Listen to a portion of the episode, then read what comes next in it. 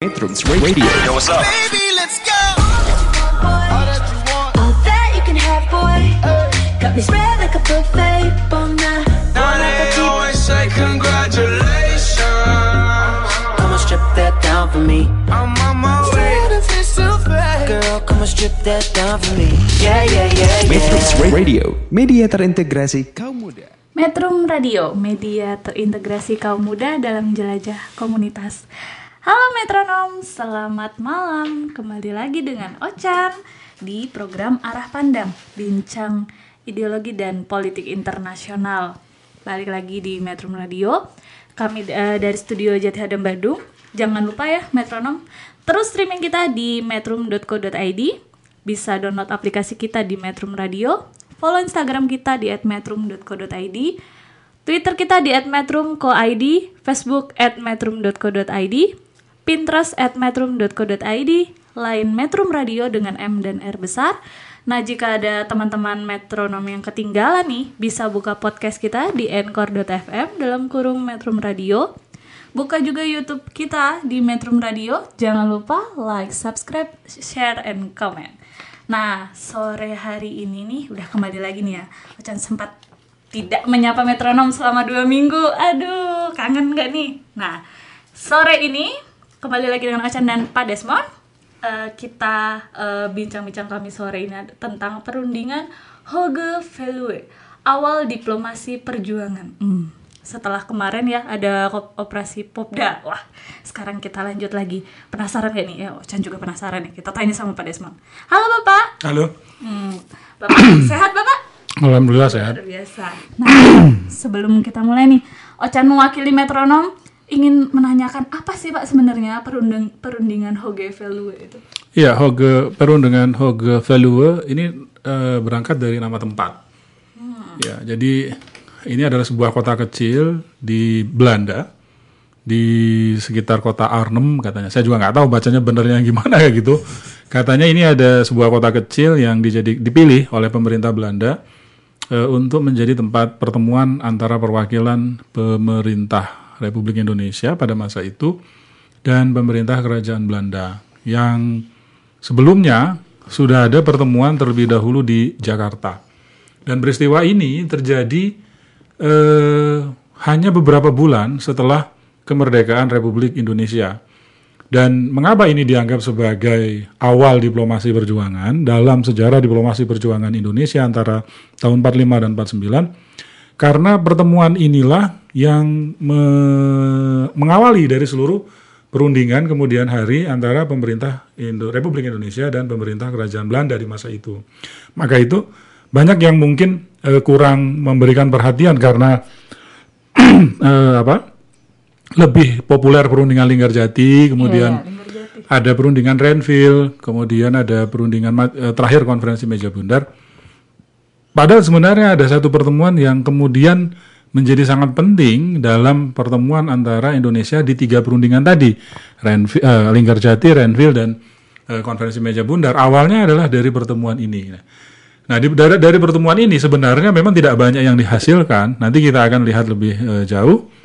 Eh, tapi yang paling penting dijelaskan oleh Sultan Syahrir, Perdana Menteri Indonesia pada saat itu yang mewakili Indonesia. Dari pertemuan ini terjadi dialog pertama kali dan tukar pikiran untuk mengenal satu sama lain antara pemerintah Republik Indonesia dan pemerintah Kerajaan Belanda. Itu yang pertama kata Sultan Syahrir. Yang kedua, sebenarnya sebelum perundingan Linggarjati pun di dalam pertemuan Hoge Velue ini yang tadinya sudah diawali di Jakarta, itu Indonesia oleh pemerintah kerajaan Belanda itu sudah disebut Republik Indonesia sebenarnya.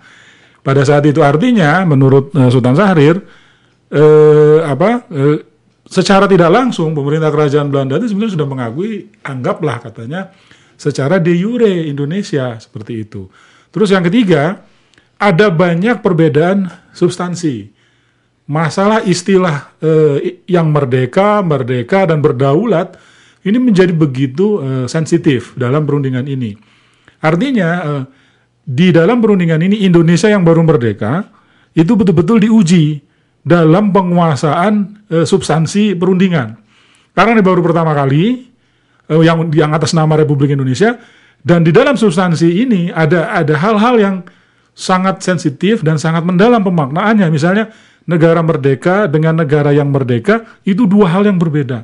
Dan dan ini menjadi per- perseteruan ya, maksudnya itu adalah eh, perdebatan sengit di dalam eh, perundingan Hoge Veluwe. Lama sekali, hampir 10 hari.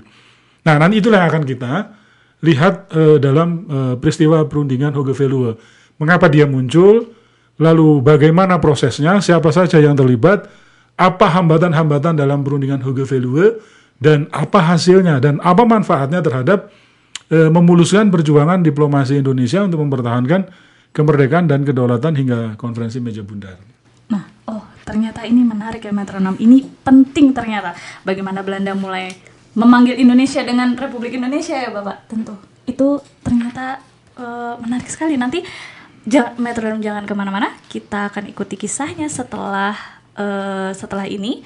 Tetap di Metro Radio, media terintegrasi kaum muda dalam jelajah komunitas.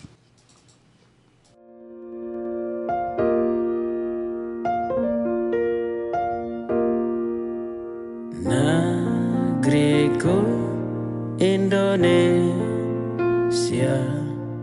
Tanah air pusaka. Bangsaku Indonesia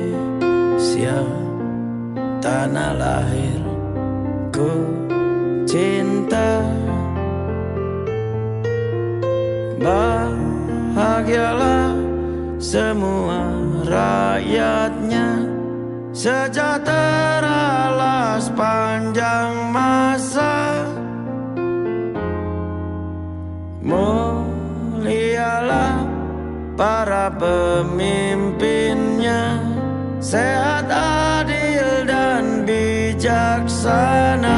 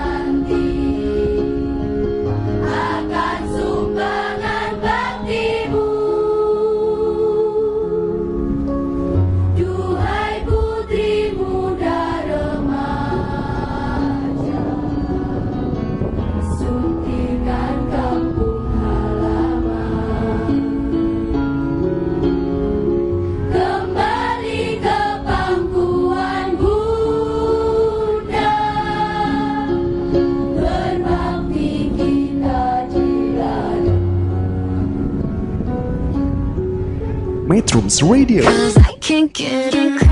media terintegrasi kaum muda.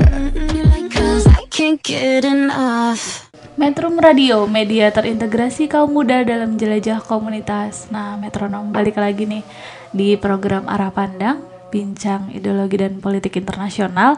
Masih bersama Ochan dan Pak Desmond. Kita membahas tentang perundingan Hoge Veluwe. Veluwe. Awal diplomasi perjuangan. Tadi sudah di awal sudah mulai dijelaskan oleh eh, Bapak bahwa ternyata perundingan ini memiliki peran yang besar sebagai titik awal dari diplomasi perjuangan kemerdekaan eh, Indonesia. Nah, Bapak tadi kan Bapak sudah janji akan melanjutkan kisahnya. Silakan Bapak, mengapa ini kemudian menjadi penting dan oh ya, kita mulai dari awal ya. Bagaimana awal dari perundingan ini? Ya, eh, saya dulu pernah menyinggung bahwa ada faktor eksternal, yaitu keinginan Inggris yang eh, menekan Belanda agar mau berunding dengan Indonesia. Eh, latar belakangnya adalah Inggris tidak mau pada saat itu mengulangi peristiwa eh, apa yang disebut tragedi oleh mereka yang dialami oleh prajurit Inggris di Myanmar. Singkat ceritanya adalah ini sangat merugikan pihak Inggris dan tidak boleh terulang lagi di Indonesia. Oleh sebab itu ini dianggap sebagai faktor eksternal dan Inggris pada saat itu meminta Belanda agar mau berunding dengan pemerintah Republik Indonesia. Dan inilah yang menjadi eh, salah satu eh, apa faktor paling paling kuat yang mendorong eh, pertemuan cara perundingan antara Indonesia dan Belanda. Jadi sebelum pergi ke Belanda tadi sudah saya sampaikan eh, di pembuka bahwa eh, pemerintah Republik Indonesia dengan pemerintah kerajaan Belanda itu sempat bertemu di Jakarta. Dan hanya sekitar satu bulan kurang lebih ya dua bulan mungkin ya setelah proklamasi kemerdekaan Indonesia. Itu eh, tadi tidak lepas dari pengaruh Inggris sudah ketemu.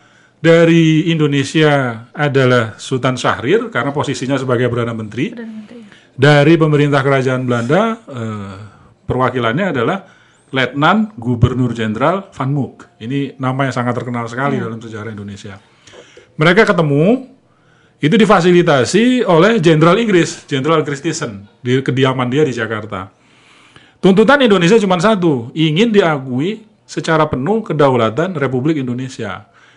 Sementara Belanda tidak bisa menyikapi ini karena ya, mereka tetap menganggap bahwa Republik Indonesia ini adalah bagian dari eh, kerajaan Belanda.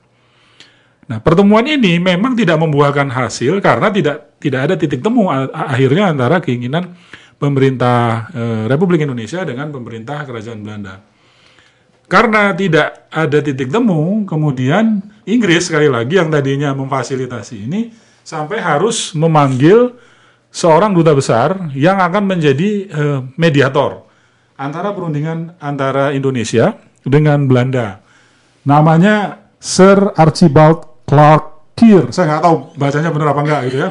Sir Archibald yang dikenal biasanya Sir Archibald. Dia duta besar Inggris untuk Moskow. Ini adalah seorang diplomat profesional dan dia diminta oleh Inggris untuk memfasilitasi eh, memediasi antara eh, apa eh, kubu Indonesia dengan kubu Belanda pada saat itu.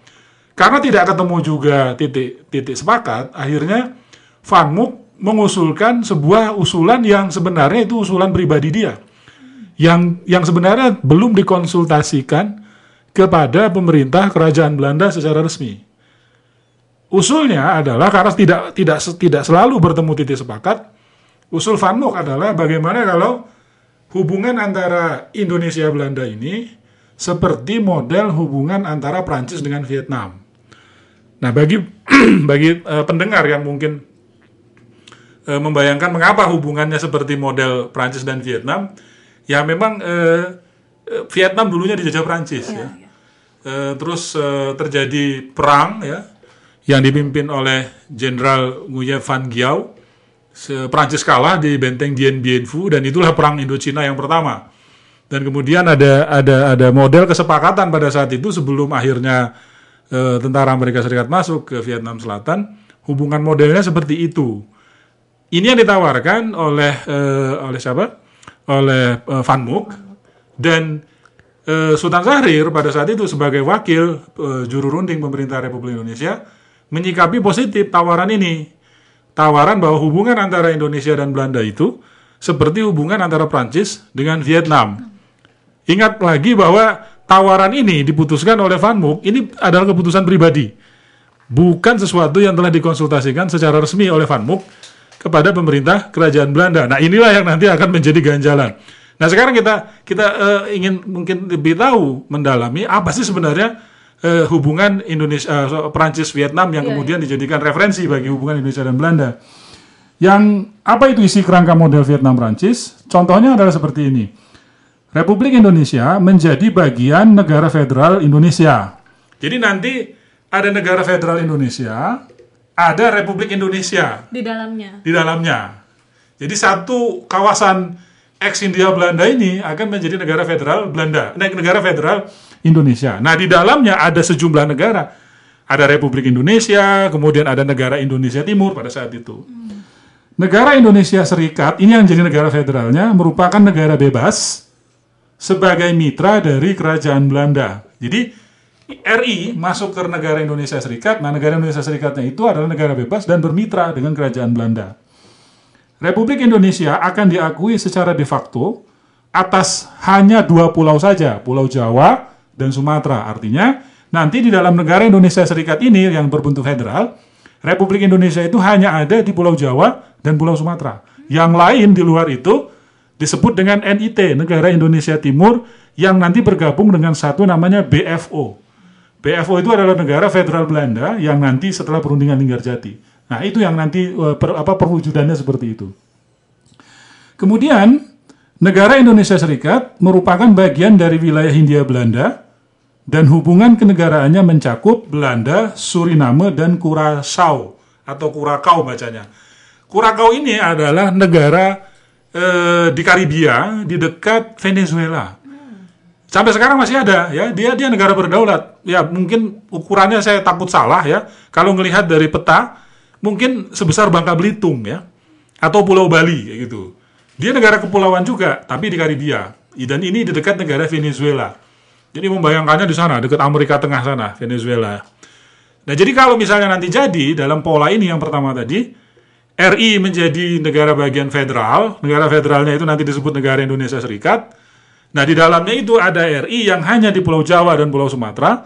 Di luar itu Kalimantan, Sulawesi, Bali, Sunda Kecil, sampai Indonesia Timur. Itu adalah negara BFO, katanya, negara federal Belanda. Tapi semua tergabung menjadi satu negara federal. Dan dan negara federal ini bermitra dengan Belanda.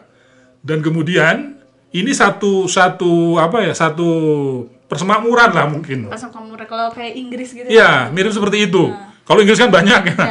Ini Belanda, Suriname, Suriname di Amerika Latin juga. Iya. Dan satu lagi negara yang tadi Curaçao ya di di dekat Venezuela. Itu yang pertama. Yang ke Kenapa? coba. Tapi kalau berarti kalau seperti ini berarti RI dan Negara Federal Indonesia ini punya dua pemerintahan yang berbeda berarti. Iya, punya dua pemerintahan yang berbeda. RI ini menjadi bagian dari negara federal itu kayak gitu.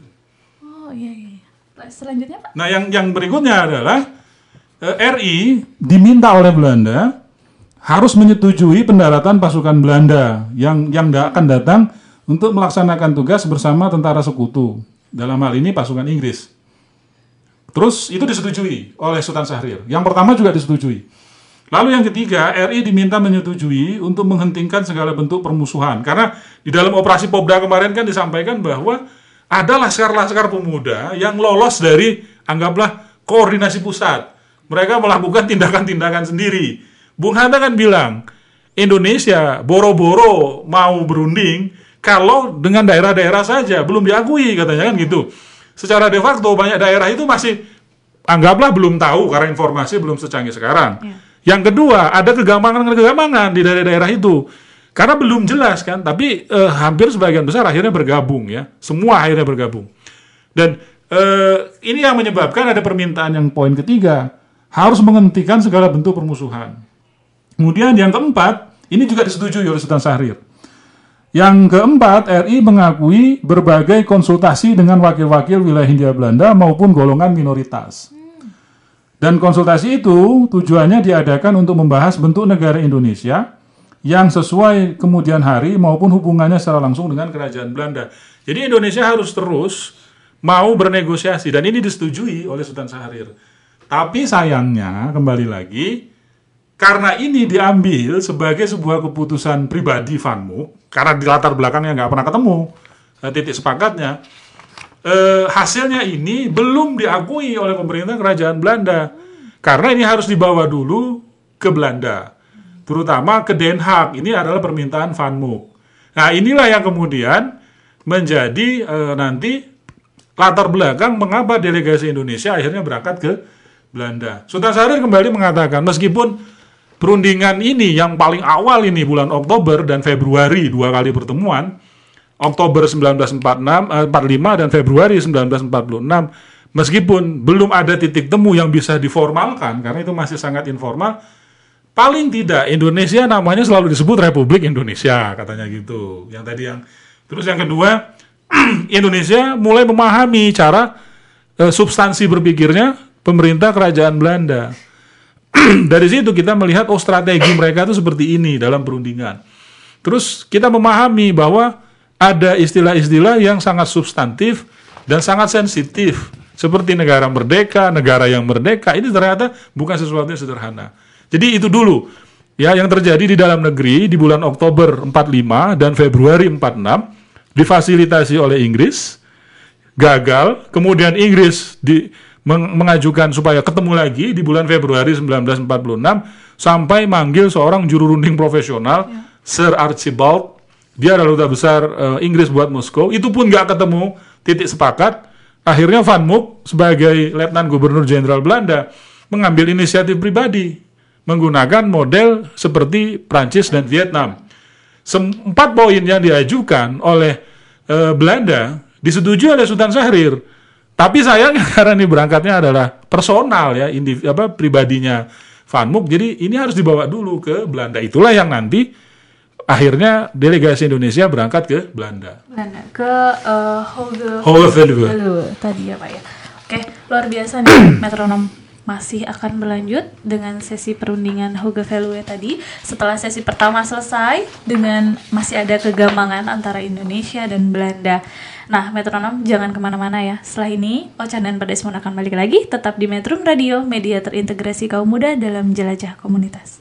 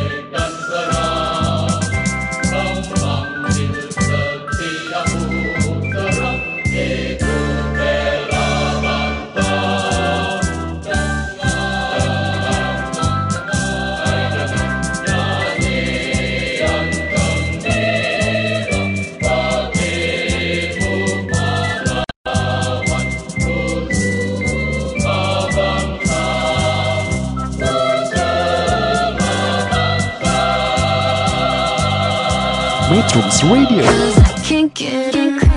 media terintegrasi kaum muda. Komunitas Metronom balik lagi di program Arah Pandang Bincang Ideologi dan Politik Internasional. Kita akan melanjutkan eh, pembahasan kita tadi tentang perundingan Hoge Veluwe awal diplomasi perjuangan tapi kembali Ocan ingatin nih untuk teman-teman Metronom terus streaming eh, Metrum Radio di metrum.co.id bisa download eh, aplikasi kita juga di ap- eh, Google Play Store Metrum Radio. Follow Instagram kita di @metrum.co.id Hmm, juga line kita Metrum Radio dengan M dan R yang eh, besar. Jika teman-teman metronom ketinggalan nih untuk mendengarkan live streaming, bisa buka podcast di anchor.fm dalam kurung Metrum Radio. Juga buka YouTube kita Metrum Radio. Jangan lupa di like, subscribe, comment, and share ke teman-teman kalian. Oke, kita akan lanjut nih Pak. Eh, tadi seperti yang Pak Desmond sudah menjelaskan ya eh, bahwa perundingan Hoge Veluwe tadi sudah selesai di tahap satu di Jakarta. Lalu sekarang masuk ke tahap 2 dan ini berlangsung di Belanda.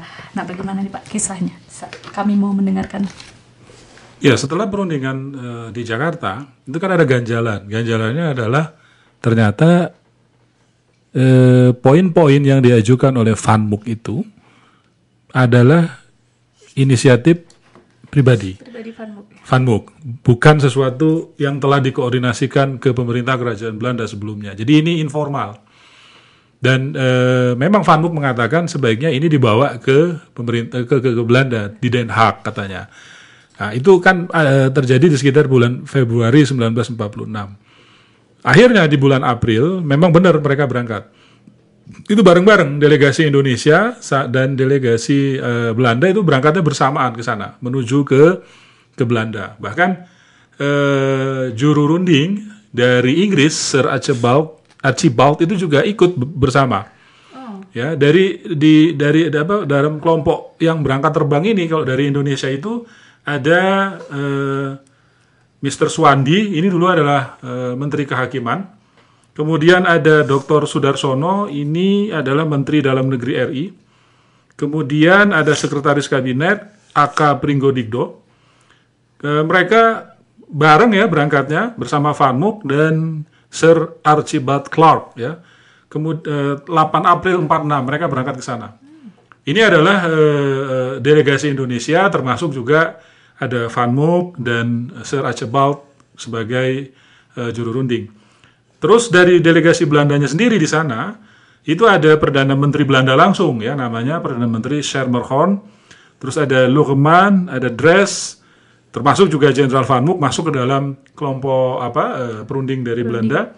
Kemudian ada Menlu Van Royen yang nanti ada perundingan Rum Royen ya. Royen, iya. Muhammad Rum dan Menlu Indonesia dan eh, Van Royen. Kemudian ada eh, Sanders ini juga dari pihak Belanda. Jadi dua kelompok ini nanti selama 10 hari di bulan April dari tanggal 14 sampai 24 April 46 membahas apa yang dulu pernah dibahas di Jakarta. Eh, selama 10 hari dan itu alot sekali. Alotnya adalah karena Belanda eh, terutama ketika menyikapi tuntutan Indonesia selalu berkelit. Itu kan inisiatif pribadinya Van Mook dulu. Mereka Bel- menolak dengan cara Iya, ya namanya juga orang berunding dalam pihak yang lebih kuat posisinya selalu menggunakan dalih itu. Nggak bisa dong. Itu kan dulu adalah terutama apa? Yang Indonesia menuntut agar di, di, di apa diterapkan model seperti hubungan Prancis dan Vietnam. malah yang diajukan Van Mook itu yang ditolak ya Pak oleh Belanda. Iya, karena selalu karena itu akan merugikan Belanda. karena itu akan merugikan Belanda. Belanda kan intinya tidak mau melepas kita gitu pada saat itu. Makanya mereka istilahnya itu ngelesnya gitu. Ya itu kan dulu obrolan kamu aja itu antara Van Mook sama maaf ini sama delegasi Indonesia. Kan nggak ngomong ke kami di, di di Belanda. Terus saja muter di sana. Eh, yang yang akibatnya adalah eh, pertama mereka tuh be- berapa ber- berdebat sengit apakah kesepakatan ini nanti berbentuk perjanjian atau protokol. Beda ya itu Pak? Kalau perjanjian kan harus diratifikasi. Iya, Ya kan ada diterapkan ya. kan ada undang-undang perjanjian luar negeri Indonesia itu kan harus ada ada ada apa? Tindak lanjutnya segala sesuatu perjanjian internasional Dimasukkan ke dalam negeri. dimasukkan dalam negeri diratifikasi menjadi undang-undang kan? Nah, Belanda nggak mau kenapa? Lah kan itu dulu kalian berundingnya kan bukan dengan kami dengan Panmu katanya gitu. Jadi kalau bentuk protokol kalau protokol tidak perlu diratifikasi. Tapi ini kan dalih ya. Dalihnya eh, pemerintah Belanda untuk ngeles supaya tetap bahwa posisi Indonesia itu tidak lepas dari mereka gitu. Itu itu itu muter aja di sana Indonesia menginginkan perjanjian tapi pemerintah Belanda pada saat itu menginginkan protokol alasannya adalah yang pertama tadi kalau perjanjian itu sulit nanti diratifikasi oleh Belanda kita protokol aja deh katanya gitu kan Menguntungkan juga ya Pak? Ya, iya. Terus yang kedua, Belanda tuh mengatakan Republik Indonesia ini itu nggak sama dengan Prancis dan Vietnam. Kenapa? Karena kalian itu hanya berdaulat di Pulau Jawa saja. Oh iya. Sulawesi, Kalimantan, Indonesia Timur, itu kan belum Republik Indonesia menurut cara pandang Belanda. Nah, itu Bung Hatta kan waktu itu waktu di operasi Pobla juga mengatakan bagaimana negara lain akan mengakui Indonesia kalau Indonesia sendiri belum berdaulat di daerah katanya kan kayak gitu. Masih pecah-pecah di Pecah belah. Ya masih bukan pecah belah, masih ter Masih bisa-bisa. terpisah-pisah karena kan nomor satu masalah utamanya adalah informasi sih sebenarnya. Terus eh, yang yang ini ya terus diutak-atik terus. Jadi kita ada protokol aja deh katanya kayak gitu kan. Kemudian eh, Belanda bilang mau perjanjian mau protokol hasilnya itu mengikat mengikat kedua belah pihak baik itu kepada pemerintah Indonesia atau ke pemerintah Belanda gitu. Ya udah muter aja di situ. Itu yang pertama 10 hari. Terus yang kedua adalah eh, pengertian tentang persemakmuran. Kan tadi Belanda menawarkan persemakmuran Belanda, Suriname, Curaçao, dan Republik Indonesia. Nanti di bawah eh, Republik Indonesia itu di dalam negara federal Belanda, yang negara Indonesia Serikat itu katanya. Persemakmuran ini apa katanya kan? Menurut cara pandang Belanda beda dengan cara pandang pemerintah Republik Indonesia. Dalam persemakmuran ini, apakah Indonesia itu negara merdeka dan berdaulat? Artinya kita mengurus seluruh urusan luar negeri, dalam negeri itu sendiri saja, tidak perlu berkonsultasi kepada pemerintah Belanda. Tapi pemerintah Belanda punya cara pandang lain. Anda itu provinsi doang loh katanya. Provinsi dari mana? Provinsi dari negara Indonesia Serikat. Nah, posisinya itu selalu diletakkan Indonesia itu seperti itu. Gimana mau bikin mau gimana kalian mau bicara sebagai negara anggota persemakmuran yang merdeka dan berdaulat? Yang negara kalian itu cuma provinsi dari negara Indonesia Serikat Jadi katanya. posisinya nggak seimbang ya. Gak seimbang. Jadi mereka itu memang akan merancang negara federal Belanda yang nanti disebut BFO. Nah, BFO inilah yang akan mewakili Indonesia harusnya menurut Belanda kayak gitu. Terus itu masalah persemakmuran ya, muter aja nomor dua ini. Tadi pertama kan masalah protokol atau per- per- per- perjanjian. Nah, yang kedua berdebat masalah persemakmuran. Yang yang yang di kedua ini juga ini masalah istilah-istilah juga yang sangat sensitif. Negara merdeka atau negara yang merdeka. Kalau kita misalnya hari ini ya elah sama aja mungkin. Enggak tapi karena dalam bahasa Belanda Ya. itu ada free start, ada vrije start. Katanya saya takut salah tapi begitulah. Ada negara merdeka dan negara yang merdeka. Perbedaannya di mana sih? Itu juga berbeda cara pandangnya. Negara merdeka adalah negara yang berdaulat, independen, semua sendiri kayak gitu seperti Republik Indonesia. Kalau negara yang merdeka katanya adalah negara yang menjadi bagian dari sebuah persemakmuran, dia menjadi sebuah bagian negara federal. Ah muter aja di istilah itu. Ya, ya ini yang poin kedua. 10 hari poin yang kedua itu dibahas itu. Masih ada yang lain ada. Struktur negara federal itu seperti apa? Kalau Belanda mengatakan negara federal itu RI itu nantinya jadi provinsi. Masuk di dalam bagian. Nah, negara federal Belanda yang nanti disingkat BFO. Indonesia punya cara pandang negara federal adalah satu kawasan Republik Indonesia dengan negara-negara di bawahnya yang ber yang apa ya menjadi subordinat dari Republik Indonesia. Jadi Republik Indonesia itu adalah negara utuhnya. Utuhnya. Nah, provinsi-provinsi yang ada ini disebut sebagai negara bagian. Mungkin seperti Amerika Serikat lah kalau sekarang Oh iya iya iya. Ini kan beda cara pandangnya gitu. Muter lagi berdebat di situ. Terus yang keempat adalah mengenai batas wilayah kekuasaan secara de facto Republik Indonesia, terutama masalah Pulau Sumatera. Kenapa? Karena ada dua eh, negara eh, BFO yang ada di Pulau Sumatera, yaitu negara Palembang, dan satunya lagi itu negara Indone- eh, Sumatera Timur, kalau tidak salah. Dua ini tidak masuk ke Republik Indonesia. Tapi kan di Pulau Sumatera ya Pak. itu ya. Dua ini masuknya ke negara federal Belanda yang disebut BFO, seperti negara Pasundan kayak gitu. Jadi mereka bilang kalian itu hanya berdaulat di satu pulau, Di Pulau Jawa, Jawa, katanya. Di Sumatera kalian nggak berdaulat di Palembang, kalian nggak berdaulat di, di Sumatera Timur. Sumatera Timur itu Riau. Kalau dilihat-lihat sekarang dua provinsi ini kan provinsi kaya sumber daya alam. Tahu Belanda mereka berdiri aja mereka tahu sini, banget ya. orang petanya mereka yang punya waktu itu. Jadi daerah ini seolah-olah itu dipertahankan jangan masuk menjadi wilayah Republik Indonesia. Masuknya ke negara federal Belanda aja, BFO. Nah, jadi selama 10 hari dua kelompok delegasi ini dari Indonesia dan dari Belanda itu muter aja di empat ini. Apakah perundingan atau protokol, gitu kan? Terus yang kedua, apakah persemakmuran negara merdeka atau negara yang merdeka? Lalu yang ketiga, negara federasi itu seperti apa? Apakah versinya Belanda atau versinya Indonesia? Kemudian eh, masalah de facto-nya Republik Indonesia itu di mana? Apakah di Jawa, Sumatera atau Jawa saja, Sumatera tidak? Muter aja terus di situ. Tapi memang memang inilah ya yang disebut saya mengakui apa yang disampaikan Sultan Syahrir. Perundingan Hoge Value ini kalau boleh saya saya analisa gitu ya, memberi pelajaran penting bagi para diplomat Indonesia untuk menguasai substansi. Iya. Beda makna saja itu bisa menjadi eh, beda beda wacana, beda pemahaman dan itu menjadi kelemahan kayak gitu kan. Negara merdeka, negara yang merdeka. Persemakmuran, kemudian perjanjian protokol. Kita baru berapa bulan jadi sebuah republik kayak gitu kan. Membedakan istilah-istilah ini. Ini makanya Sultan Syahrir mengatakan itu adalah pertemuan pertama yang sangat membuat kita apa artinya ya? Sadar ya gitu bahwa ini nggak main-main perundingan ini gitu ya. Belanda yang usianya udah ratusan tahun Iya. punya kementerian luar negerinya udah ratusan tahun anggaplah kayak gitu. Kita baru berapa bulan kan? Jadi eh, memang perundingan Hoge Value ini dianggap sebagai awal dari diplomasi perjuangan nggak salah ya. Karena hal-hal seperti itu tuh sangat rumit sekali di- di- dijelaskan. Luar biasa ya Pak. Ini adalah perundingan tahap kedua yang tadi di iya Pak, di tahap kedua. yang di Belanda memang tahap kedua. Nah, setelah ini keluar hasilnya Pak. nanti ada hasilnya kita bahas lagi Oke. selanjutnya Nanti selanjutnya akan ada hasilnya ternyata metronom. Oke, jangan ke mana-mana, tetap di Metrum Radio, media terintegrasi kaum muda dalam jelajah komunitas.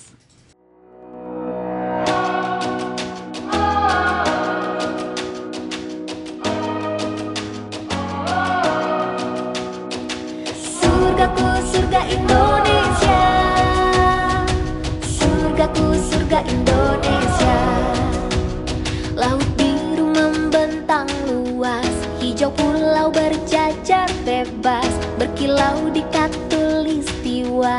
Kita jaya-jaya. Semua sudah kita punya. Karena kita negeri yang kaya. Berlimpah karya maha esa. Kita jaya-jaya. Kita jaya-jaya. Surgaku surga Indonesia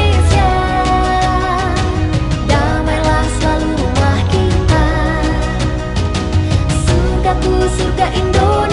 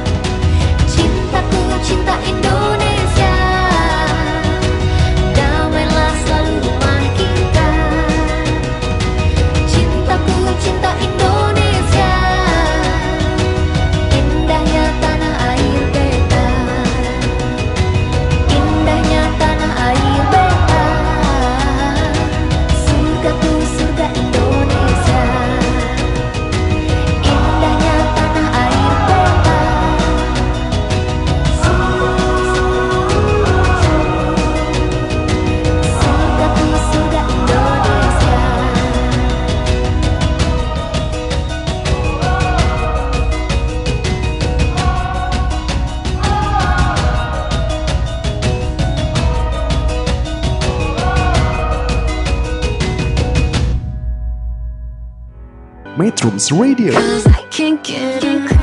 media terintegrasi kaum muda. Metrum Radio, media terintegrasi kaum muda dalam jelajah komunitas. Balik lagi di arah pandang, bincang ideologi dan politik internasional bersama Ocan dan Pak Desmond.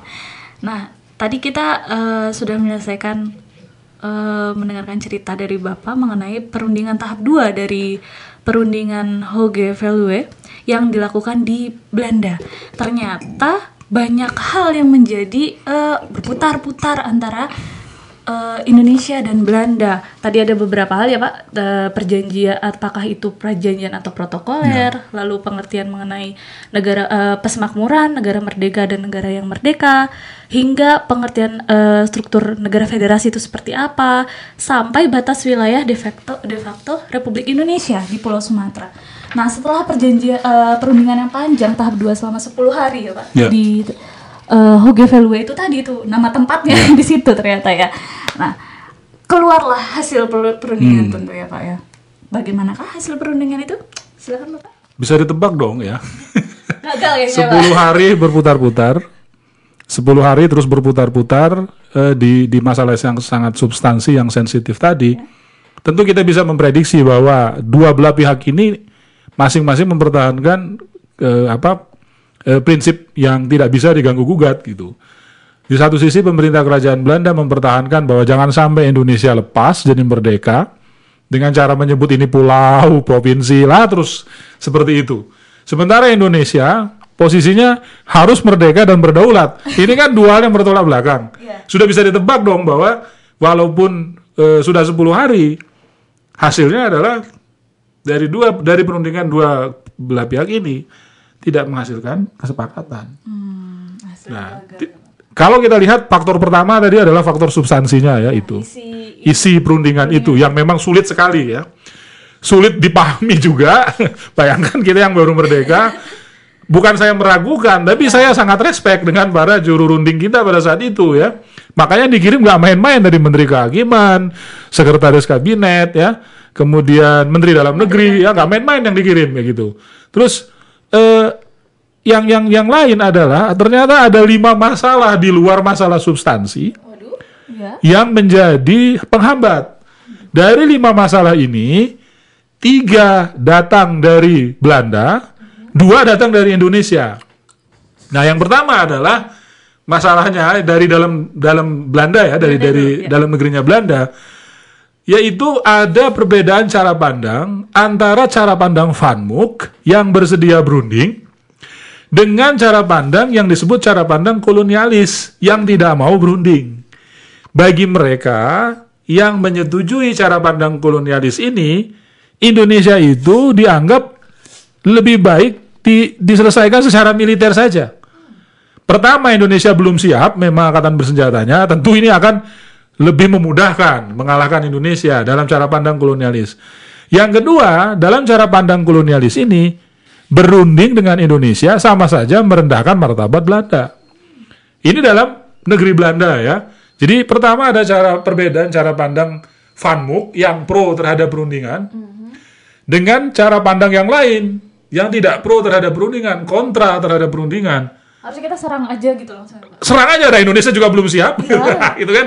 Terus kalau kalau kita berunding dengan mereka, lu bayangin ber- berunding dengan negara jajahan lu katanya gitu kalau bahasa sekarang. Artinya merendahkan martabat kita dong. Nah, kurang lebih begitu bahasanya sekarang ya. Jadi kalau kalau melihat dari masalah pertama ini, Van Mook tidak tidak disukai ya berunding dengan pemerintah Indonesia. Artinya mau sampai kapan pun ada perundingan ya, cara pandang Van Mook ini ternyata tidak diminati oleh oleh, oleh sebagian besar eh, kelompok di sana. Itu yang pertama. Lalu yang kedua adalah situasi politik dalam negeri Belanda. Ini eh, ternyata kalau dalam hubungan internasional yang disebut intermestik ya. Jadi jadi proses proses politik dalam negeri ini sangat mempengaruhi kebijakan luar negeri Belanda dalam hal ini. Perdana Menteri Sermerhon yang juga menjadi bagian apa juru runding Belanda bersama Van Rooyen, Sanders dan Van Mook ini ternyata berasal dari partai buruh Dan pada saat itu Partai Buruh sedang berhadapan dengan Partai Katolik. Karena sedang terjadi kontestasi pemilu ya. Partai Katolik pada saat itu mengangkat isu bahwa cara-cara Fanmuk ini dianggap sama saja dengan mengalah terhadap Indonesia. Strategi ini dipakai oleh Partai Katolik untuk meningkatkan elektabilitas Partai Katolik di dalam pemilunya Belanda waktu itu. Maka karena Sermerhon datang dari Partai Buruh dan pada saat itu elektabilitasnya cenderung rendah, apalagi situasi dalam negeri Belanda baru selesai Perang Dunia Kedua. Mereka sedang porak-poranda, kemudian eh, menerima bantuan Marshall Plan pada saat itu untuk melakukan rekonstruksi, mengembalikan eh, perekonomian eh, Belanda. Itu itu menyebabkan Partai Buruh elektabilitasnya rendah. Iya. Nah, akibatnya Perdana Menteri Sermerhon itu sangat berhati-hati sekali. Jadi lamban mereka dalam perundingan itu karena hati-hati sekali. Kenapa? Karena khawatir mereka dianggap mengalah terhadap pemerintah Indonesia. Dan kalau sampai ini terbaca oleh para pendukung Partai Katolik, tentu akan dimanfaatkan. Istilahnya itu digoreng isu ini untuk menjatuhkan Partai Buruh dan meningkatkan elektabilitas Partai Katolik. Itu yang kedua. Kemudian yang ketiga adalah konsep protokol Fanmuk. Tadi kan ada mau perundingan, apa, perjanjian atau protokol. Fanmuk itu cenderung ke protokol supaya cepat ya. Tapi kemudian masalah protokol ini dianggap eh, apa?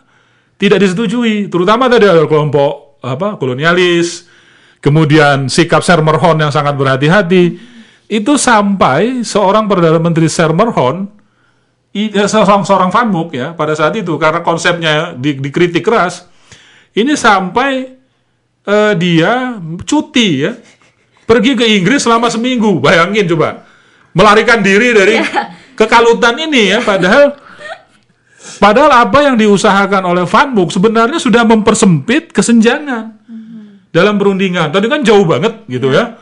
Ini kukuh A, ini kukuh B yang akan ketemu utara sama selatan. Nah, melalui protokolnya Fanmuk ini yang tadinya inisiatif pribadi itu kan sebenarnya udah ketemu. Yang tadi konsep Indon eh, Pre- Vietnam, Prancis itu sebenarnya. Tapi karena tadi ada kelompok kolonialis, kemudian ada per apa per, pemilunya apa eh, Belanda gitu dia sampai melarikan diri anggaplah ya dalam tanda petik dan dan dan dia nggak mengikuti dan dia tetap kekeh tidak mau melakukan perubahan terhadap protokol itu. Eh, itu yang ketiga datang dari Belanda. Yang keempat dari pihak Indonesia, Indonesia itu di- dipandang itu seperti mengalah, mengalah. Ini mau dibahas, itu mau dibahas. Karena memang target utamanya adalah Republik Indonesia itu diakui kayak gitu kan, cenderung terlihat seperti mengalah.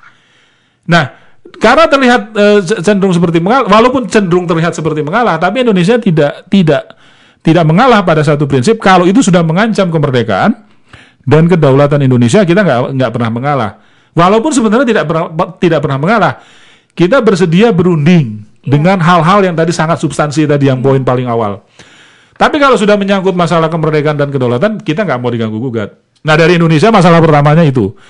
Nah gara-gara masalah pertama ini di dalam negeri muncul kelompok PP yang disebut Persatuan Perjuangan. Persatuan Perjuangan. Salah satunya ini adalah Tan Malaka waktu itu ya. Pak Tan Malaka masa berunding dengan maling di rumah sendiri katanya kan. Kita harus merdeka 100%, gitu. Nah, itu sampai Sultan Syahrir itu diculik. Iya Sultan Syahrir nggak ikut ke Belanda Oh iya. Kemudian di Soekarno diminta membuat kabinet baru menggantikan kabinet Sultan Syahrir. Soekarno menolak. Soekarno tetap minta agar Sultan Syahrir dibebaskan. Dia memberi instruksi kepada Panglima eh, Besar Jenderal Sudirman waktu itu untuk se- segera membebaskan Sultan Syahrir. Akhirnya Sultan Syahrir dibebaskan dan Soekarno menunjuk dia kembali menjadi perdana menteri. Lahirlah kabinet Sultan Syahrir kedua. Gitu. Dan eh, apa? Di situ kan ada Agus Salim yang sebagai wakil menteri luar negerinya gitu kan. Yang pertama kali Haji Agus Salim, kalau yang kabinet pertama Agus Salim nggak ikut-ikutan. Yang kedua ini Agus Salim ikut. Nah, jadi dari dalam dari dari pihak Indonesia, pertama itu ada dua dua poin itu hambatannya. Sehingga eh, inilah yang menjadi eh, apa? eh, faktor penentu akhirnya perundingan Hoge memang tidak menemukan kesepakatan. Ada masalah dari dalam negeri Belanda dan ada masalah dari dalam negeri Indonesia. Walaupun tapi sekali lagi meskipun ini belum sesuai dengan harapan Indonesia, banyak sekali apa pelajaran yang kita peroleh dari sana. Pasti eh, metronom jangan kecewa dulu nih. Walaupun hasil perundingan yang panjang tadi akhirnya ternyata tidak mencapai kesepakatan. Ternyata Indonesia juga belajar banyak sekali seperti yang eh, tadi Pak Desmond sudah singgung beberapa hal bahwa kita mendapatkan banyak sekali hmm, pengetahuan lebih dan kita menjadi lebih Oke, berarti begini caranya. Eh, metronom tentu penasaran karena setelah sesi setelah ini adalah sesi tambahan. Kita akan mengetahui sisi lain dari perundingan Hoge Veluwe. Jangan ke mana-mana, tetap di Metro Radio, media terintegrasi kaum muda dalam jelajah komunitas.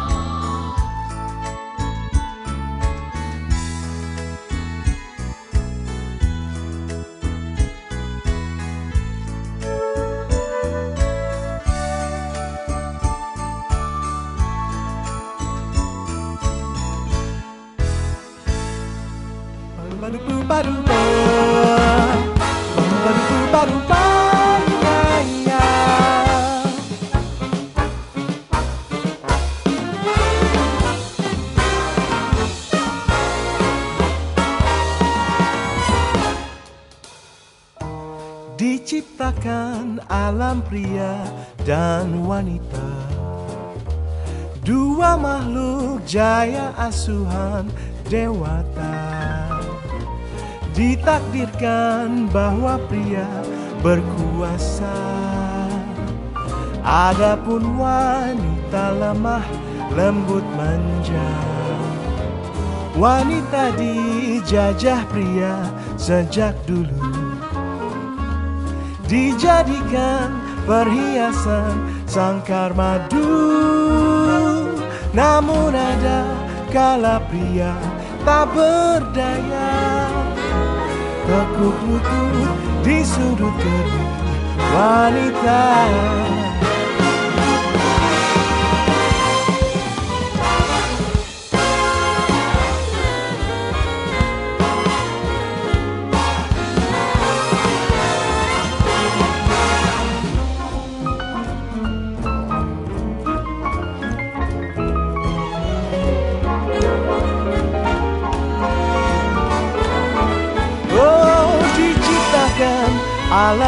pria dan wanita. Dua makhluk jaya asuhan dewata. Ditakdirkan bahwa pria berkuasa. Adapun wanita lemah lembut manja. Wanita dijajah pria sejak dulu dijadikan perhiasan sangkar madu namun ada kala tak berdaya. Tekuk di sudut kediri di sudut kediri. Tekuk lutut di sudut kerling wanita Ba ba ba do ba ba do ba do we le ba ba do bin li li bin li li ba do ba do ba bin li li bi be bu be do ba ba ba ya ba do ba fa fa ba do fa fa ba do ba we do bi a a do bi ba do ba ba Metrums Radio, Cause I can't get crazy. media terintegrasi kaum muda. Cause I can't get enough. Metrum Radio, media terintegrasi kaum muda dalam jelajah komunitas. Metronom kembali lagi di arah pandang, eh, bincang ideologi dan politik internasional.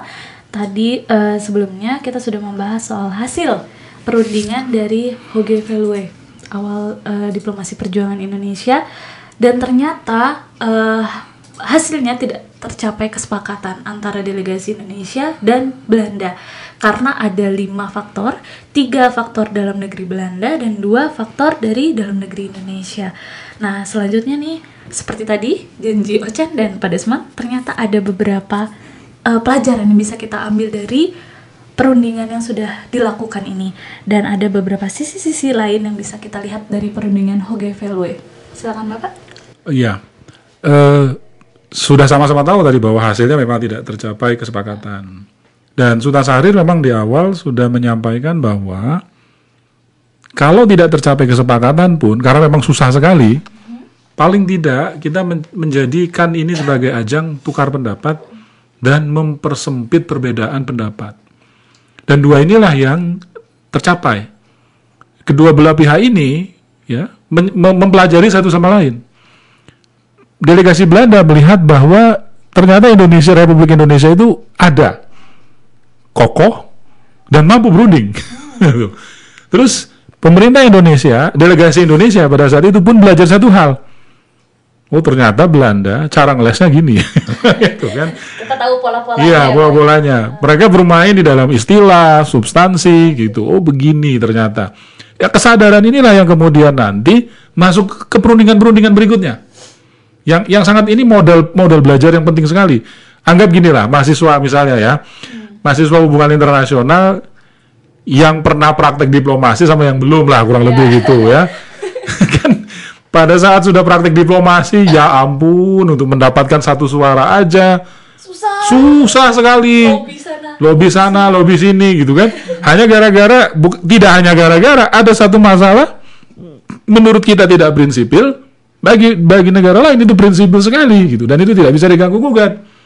Karena apa pun ajuan dari sebuah negara itu sangat terkait kepada yang namanya kemerdekaan dan kedaulatan, sovereignty itu nggak bisa diutak-atik.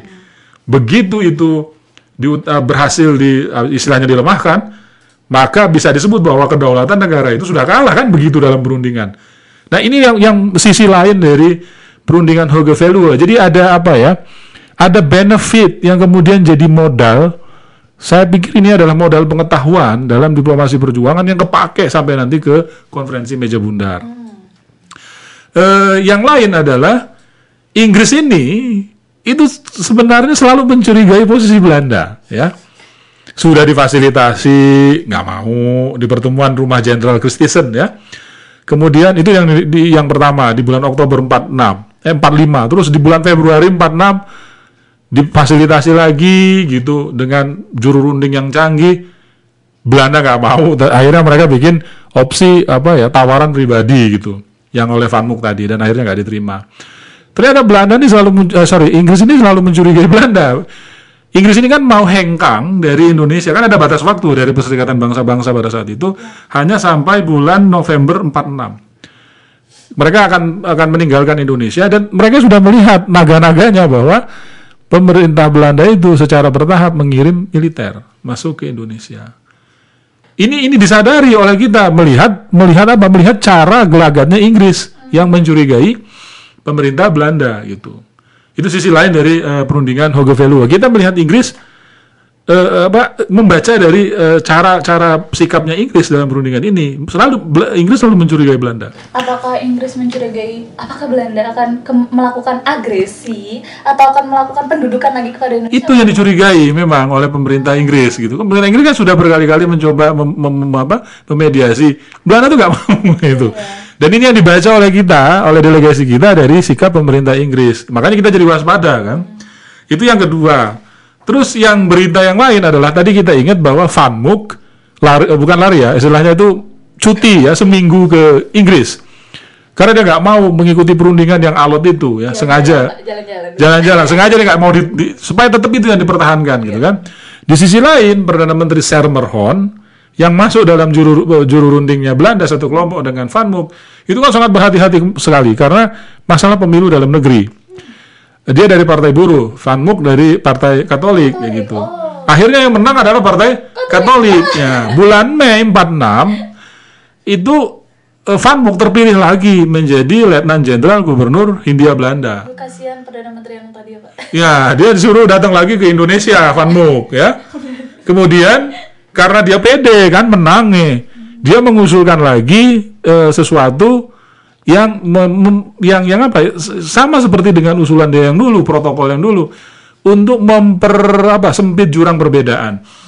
Yang diusulkan oleh Van Mook yang pertama adalah Belanda akan mengakui pemerintah Republik Indonesia, tapi sebagai bagian dari persemakmuran Indonesia yang berbentuk federasi. Poin ini kan sama seperti yang dulu jadi pembahasan empat itu. Kemudian yang kedua, negara Indonesia Serikat akan bersama-sama Belanda, Suriname, dan Curaçao menjadi bagian dari kerajaan Belanda. Nah di dalam itu ada Republik Indonesia menjadi negara federal Belanda tadi kan.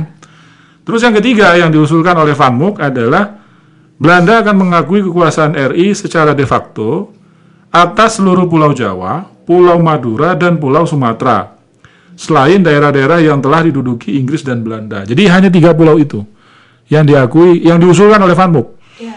Jadi tiga usul ini diusulkan oleh Van Mook untuk mempersempit ya perbedaan cara pandang antara delegasi Indonesia dan delegasi Belanda di kemudian hari. Dan dan ini eh, usulan-usulan dari Van Mook inilah yang nanti akan apa ya ditanggapi dan membuka perundingan-perundingan baru terhadap perundingan Renville sampai ke perundingan konferensi meja bundar. Sekali lagi bahwa selalu ada lesson learned dari sebuah peristiwa. Sekalipun Hoge Veluwe tidak mencapai kesepakatan, tapi kita belajar banyak sekali dari peristiwa Hoge Veluwe ini. Kalau tidak ada peristiwa Hoge Veluwe, anggaplah delegasi kita akan terlambat mempersiapkan diri. Karena tidak ada proses belajar ketika berunding dengan, bayangkan, Belanda itu di sini dari 1595 lah katanya kayak gitu ya. Dari waktu kita bahas diplomasi era kerajaan. Iya. Kita berunding 1945 gitu kan. Jadi kebayang lah bagaimana so- apa eh, kalau dalam cerita sejarah kenabian Goliat melawan eh sama eh, Eh, si, si siapa namanya? siapa kecil itu Daud Daud melawan melawan eh siapa raksasa itu. raksasa Goliat ya. Raksasa Goliat ya. Nah, mungkin mungkin tidak seperti itu peristiwanya, tapi bayangkan negara yang merdeka berapa bulan ya berunding berhadapan dengan bekas negara penjajahnya. Hmm, penjajahnya sendiri penjajah sendiri yang besar sekali. Eh, lama ya. Kalau ukuran besar sih besaran kita daripada Belanda ya. Tapi maksudnya Belanda adalah salah satu negara berpengaruh di Eropa gitu. Dan kita berunding dengan dengan Belanda itu belum lagi Belanda masuk dalam jajaran sekutu pemenang perang iya kedua. kan? Jadi bukan ini nggak kaleng-kaleng berundingnya. Nggak main-main setelah Jepang balik lagi Belanda iya jadi itu yang mungkin sisi lain yang apa, apa, eh, menjadi lesson learned dari perundingan eh, Hauge Veluwe Oke, ini luar biasa ya metronom perundingan Hoge Veluwe eh, tadi sudah dijabarkan oleh Bapak dari perundingan satu, perundingan dua hingga hasil bahkan sisi-sisi lainnya. Nah, eh, metronom setelah ini kita akan masuk ke kesimpulan akhir. Jangan ke mana-mana, tetap di Metro Radio, media terintegrasi kaum muda dalam jelajah komunitas.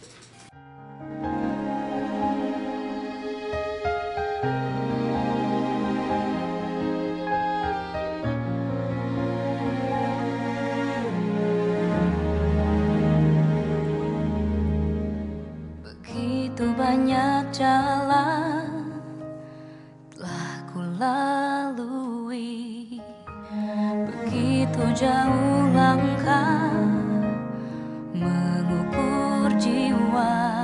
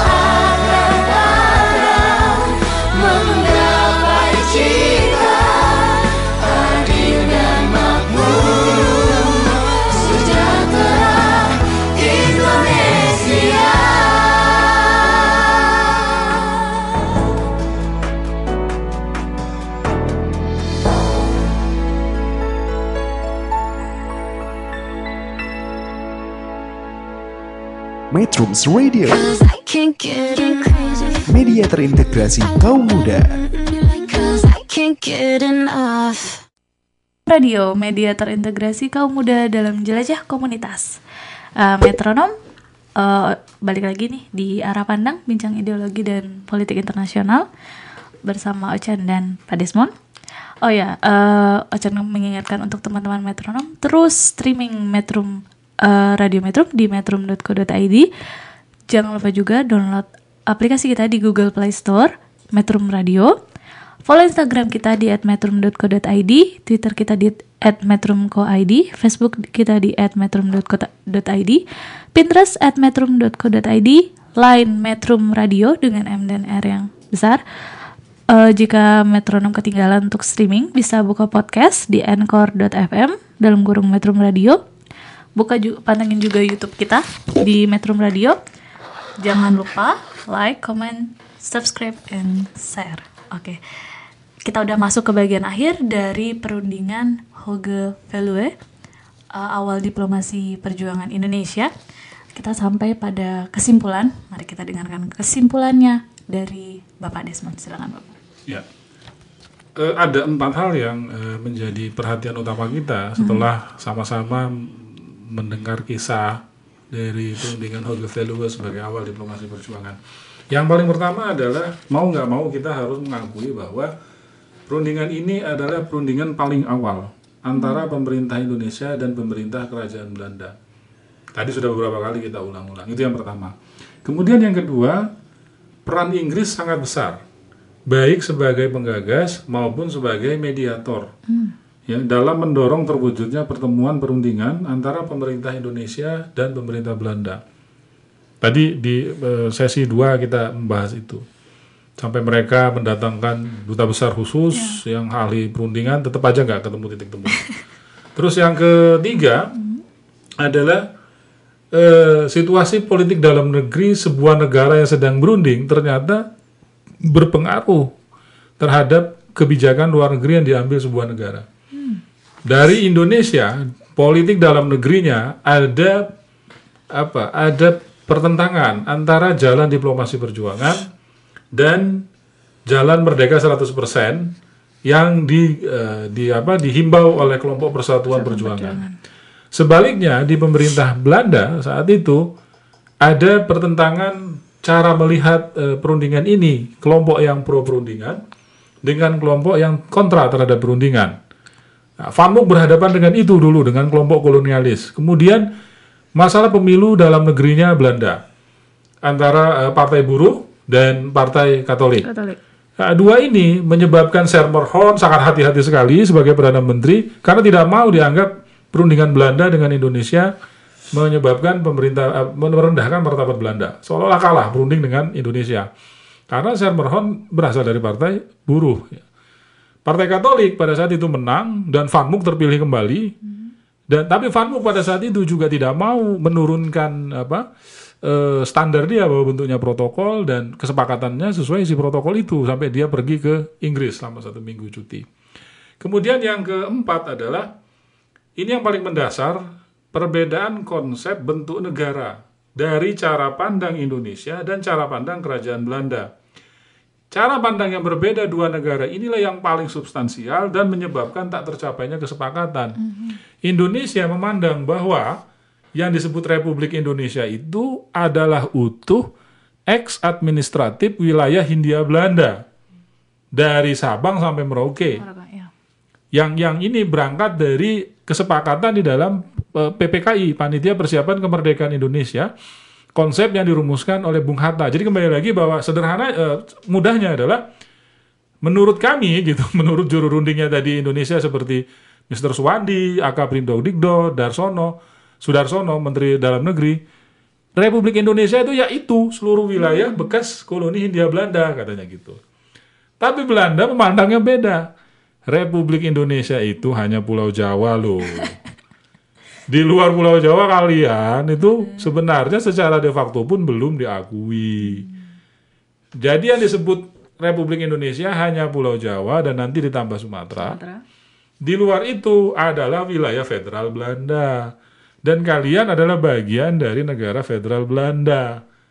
Dan kalian statusnya bukan negara, provinsinya negara federal Belanda. Jadi Provinsi Republik Indonesia. Kurang lebih seperti itu. Provinsi Indonesia dalam negara federal Dalam Belanda. Belanda. Yang dan dia ada dalam persemakmuran Belanda, Suriname dan Kurakau yang ada di Laut Karibia. Ini kan bertolak belakang sekali cara pandangnya. Iya. Ya. Dan kurang lebih itu yang harus kita sadari bahwa untuk memenangkan sebuah perundingan dalam perjuangan mempertahankan kemerdekaan dan kedaulatan itu literasi. Ini kan literasi ya. Iya. Memahami substansi kalau nggak baca, tidak menulis, tidak berhitung, tidak memiliki bekas substansi yang kuat, ah udah habis kita.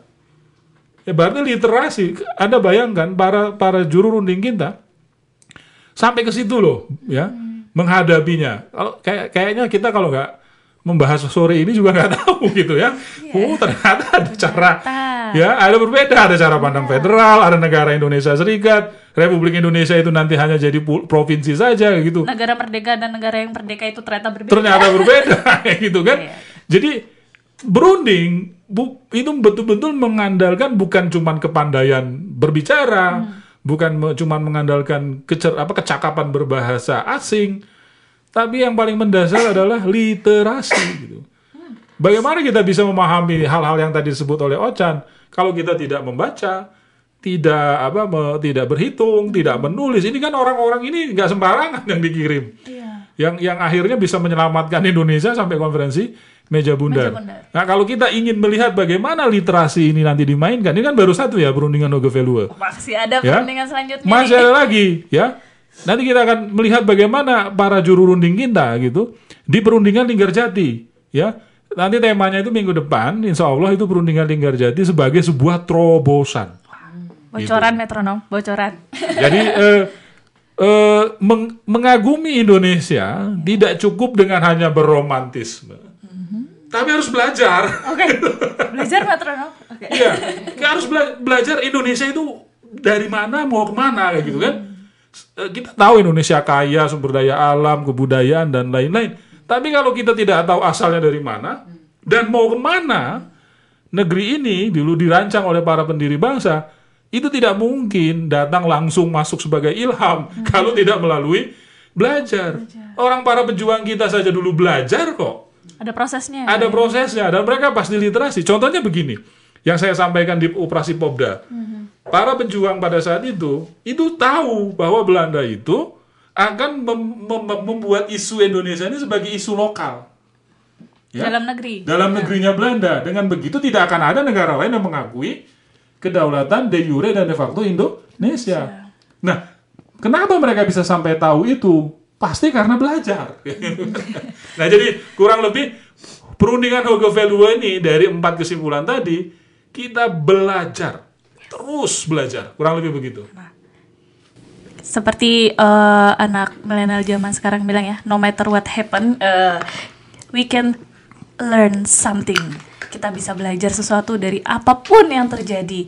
Eh, Oke, itu tadi metronom luar biasa sekali eh, perbincangan kita pada malam hari ini mengenai perundingan Hoge Value ternyata yang menjadi awal perjuangan diplomasi dari Indonesia. Nah, eh, minggu depan tadi Pak Desmond sudah memberikan bocoran bahwa kita akan berun- eh, berbicara tentang perundingan Linggarjati Perundingan Linggarjati sebagai sebuah sebagai terobosan. sebuah terobosan. Apa yang terjadi di perundingan Linggarjati? Tenang aja, kita akan bahas lagi minggu depan. Jangan lupa terus dengarkan dan pantengin terus program Arah Pandang, Bincang Ideologi dan Politik Internasional eh, setiap Kamis pukul 18.30 di Metro Radio. Terima kasih Ocan dan Pak Desmond pamit undur diri. Selamat malam Metro Radio, media terintegrasi kaum muda dalam jelajah komunitas. Metrums Radio All that you can have, boy. Got me spread like a buffet. Bon night. Now they always say congratulations. Come and strip that down for me. I'm on my way. Girl, come and strip that down for me. Yeah, yeah, yeah, yeah. Metrums Radio Media terintegrasi kaum muda